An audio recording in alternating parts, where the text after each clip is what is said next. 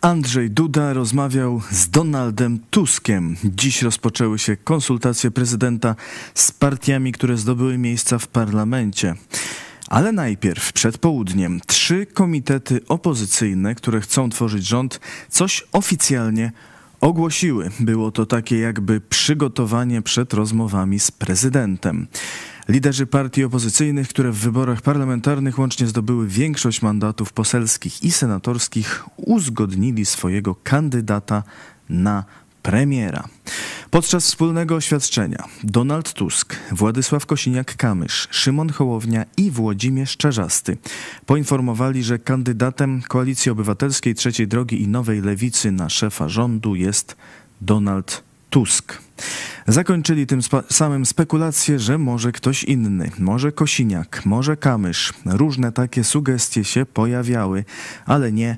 Jednak Donald Tusk, szef największej partii z największym wynikiem z tej opozycyjnej trójki. Dzisiaj wspólnie z liderami partii demokratycznych potwierdziliśmy gotowość pełnej współpracy i tworzenia nowej większości w przyszłym parlamencie. To jest ważna informacja w dniu, w którym prezydent Duda rozpoczyna konsultacje z ugrupowaniami, które weszły do parlamentu w tych wyborach. Chciałem bardzo podziękować kolegom za tę deklarację, że tworzymy większość w parlamencie, że z tą informacją będę mógł ja dzisiaj, koledzy jutro pójść do prezydenta Dudy i ułatwić mu, jak sądzę, zadanie, jeśli chodzi o y, kolejne kroki konstytucyjne. Jesteśmy gotowi do tworzenia rządu. Dziękuję za potwierdzenie deklaracji, że e, lider partii największej w tych e, wyborach po stronie opozycji dostanie e, na pewno trudną misję tworzenia rządu, ale to oczywiście zależy od prezydenta i od sytuacji po konsultacjach u pana prezydenta. Liczę tutaj na konstruktywną współpracę z prezydentem i na szybkie decyzje. My jesteśmy gotowi, dzisiaj to potwierdziliśmy, w każdej chwili do, y, do roboty. Liderzy opozycji apelowali też, by prezydent nie zwlekał z przekazaniem misji tworzenia rządu kandydatowi, który reprezentuje większość w nowo wybranym parlamencie. Będziemy też e, zwracać się do pana prezydenta z prośbą i wnioskiem o jak najszybsze zwołanie pierwszego posiedzenia Sejmu, żeby nie trzymać w tym stanie niepewności i zawieszenia. Apelujemy do prezydenta Dudy, żeby nie marnował ani sekundy więcej naszego czasu. Naród, który wybrał pana na to stanowisko, suweren, który powierzył panu tę misję, właśnie przemówił. I mamy nadzieję, że pan ten głos z całą stanowczością, wyrażany tutaj dzisiaj w tej sali przez przedstawicieli suwerena, usłyszy. Panie prezydencie, szanując instytucję i godność, jaką pan piastuje, chcę panu powiedzieć, koniec kombinowania. Popieramy desygnowanie pana Donalda Tuska i danie mu misji tworzenia rządu.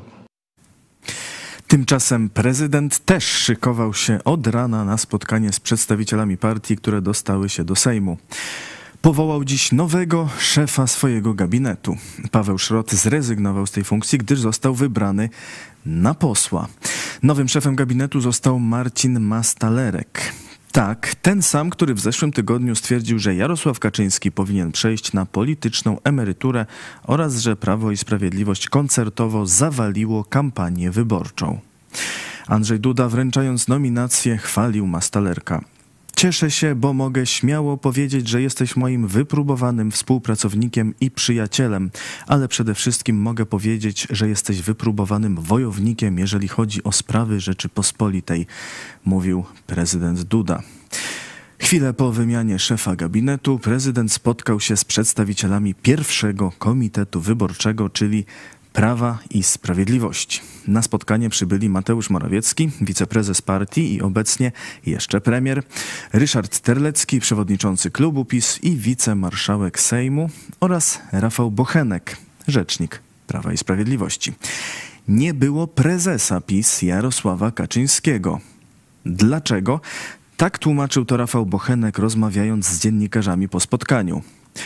Pan prezes wyznaczył taką delegację. Taka była decyzja naszego lidera. O czym mówili politycy? Tak relacjonował to rzecznik PiS. Rozmawialiśmy i o sprawach programowych, kluczowych zadaniach i wyzwaniach, biorąc pod uwagę to, co dzieje się za naszą wschodnią granicą, ale też wyzwań w kontekście Unii, zmian traktatowych. Jeżeli chodzi o sposób formowania większości parlamentarnej, taka rozmowa się odbyła. Wiemy, że wiele sygnałów wychodzi również od koalicjantów, piłka jest w grze. Bardzo często w polityce i w życiu najważniejsze jest niewidoczne dla oczu.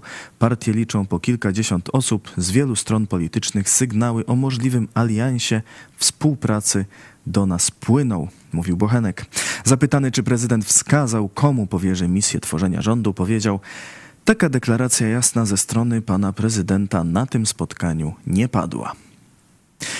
Po PiSie prezydent spotkał się z przedstawicielami Koalicji Obywatelskiej. Na rozmowy do Pałacu Prezydenckiego przybyli liderzy partii tworzących Koalicję Obywatelską. Donald Tusk, przewodniczący PO, Marcin Kierwiński, sekretarz generalny PO, Barbara Nowacka, przewodnicząca partii Inicjatywa Polska, Adam Szłapka, przewodniczący Nowoczesnej i Urszula Zielińska, przewodnicząca partii Zieloni. Rozmowy były krótkie, trwały mniej niż godzinę, podobnie jak rozmowy z przedstawicielami PiSu. Przed godziną 15 przedstawiciele opozycji opuścili Pałac Prezydencki.